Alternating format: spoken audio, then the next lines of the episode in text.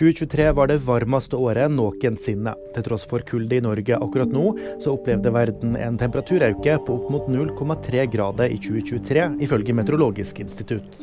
Klimaforskerne frykta vi nærma oss ei kritisk grense.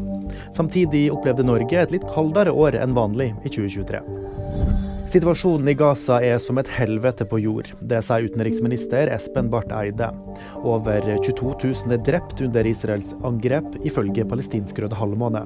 Eide kaller det mulige krigsforbrytelser, men vil ikke kalle det et folkemord.